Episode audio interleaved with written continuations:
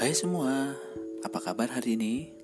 Saya harap kita semua berada dalam kondisi terbaik ya. Amin. Episode kali ini saya ingin bercerita sedikit mengenai the real story ya, kisah nyata yang lucu buat saya. Jadi begini ceritanya. Suatu hari, keluarga kami sedang bersih-bersih rumah. Pada saat itu, kondisi rumah memang sangat berantakan. Anak saya waktu itu yang pertama masih berusia 8 bulan. Singkat cerita, eh, akhirnya terkumpullah sampah yang lumayan banyak dari kegiatan bersih-bersih rumah kami. Mulai dari sampah kertas, kemudian sampah dapur, kemudian minyak bekas gitu ya, kemudian sampah termasuk sampah eh, popok, popok anak saya. Juga di situ ada kardus sepatu dan lain sebagainya. Nah, sampah tersebut saya taruh dalam tas kresek.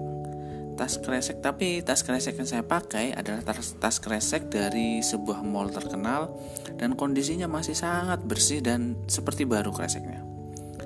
Nah, akhirnya saya masukkan sampah tersebut ke dalam tas tersebut.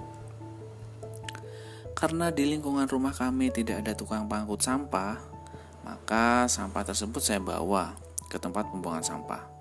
Lokasinya sih cukup jauh ya, akhirnya saya bawa sampah tersebut. Nah, di tengah perjalanan belum sempat saya buang sampah tersebut, perut saya terasa lapar. Nah, akhirnya saya mampir dulu nih di tempat e, jual makanan. Saya pada saat itu e, berhenti di tempat jual mie, mie ayam. Agak lama saya menikmati mie tersebut. Ya, sekitar kurang lebih 30 menit lah setelah makan dan bayar, betapa terkejutnya saya sekaligus bercampur bahagia. Sampahnya hilang, nah, hilang teman-teman. Ada yang ngambil. Nah, mungkin dikiranya itu kita ini habis beli sepatu di mall, kemudian belanja baju, belanja ini itu, terus kecapean, akhirnya makan mie. Aduh, kasihan nih ya yang ngambilnya. Dikirain barang-barang bagus ternyata sampah bukannya dapat sepatu eh malah dapat popok bekas bau lagi. Oke teman-teman. Apa yang bisa kita ambil pelajaran dari cerita tersebut? Kalau kita analogikan eh, kisah tersebut dengan kehidupan kita sehari-hari terkadang apa yang kita lihat itu atau apa yang kita lihat di mata kita ya, yang terlihat baik ternyata justru sebaliknya tidak baik buat kita gitu loh.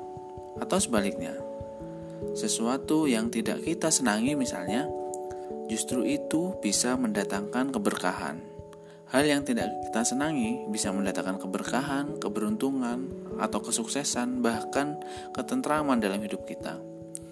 Orang yang di dalam hidupnya selalu merasa mudah, apa-apa mudah, rezeki gampang, atau kondisinya sehat terus dan lain sebagainya, itu juga perlu kita waspadai.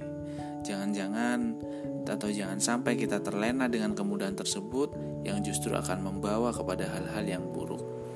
Namun bila kita dalam kehidupan ini masih memiliki perjalanan kehidupan yang terjal, kemudian naik turun, berliku-liku, jangan pesimis.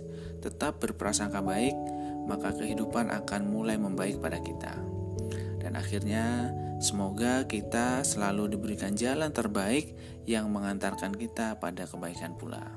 Sampai jumpa di episode selanjutnya. Bye bye.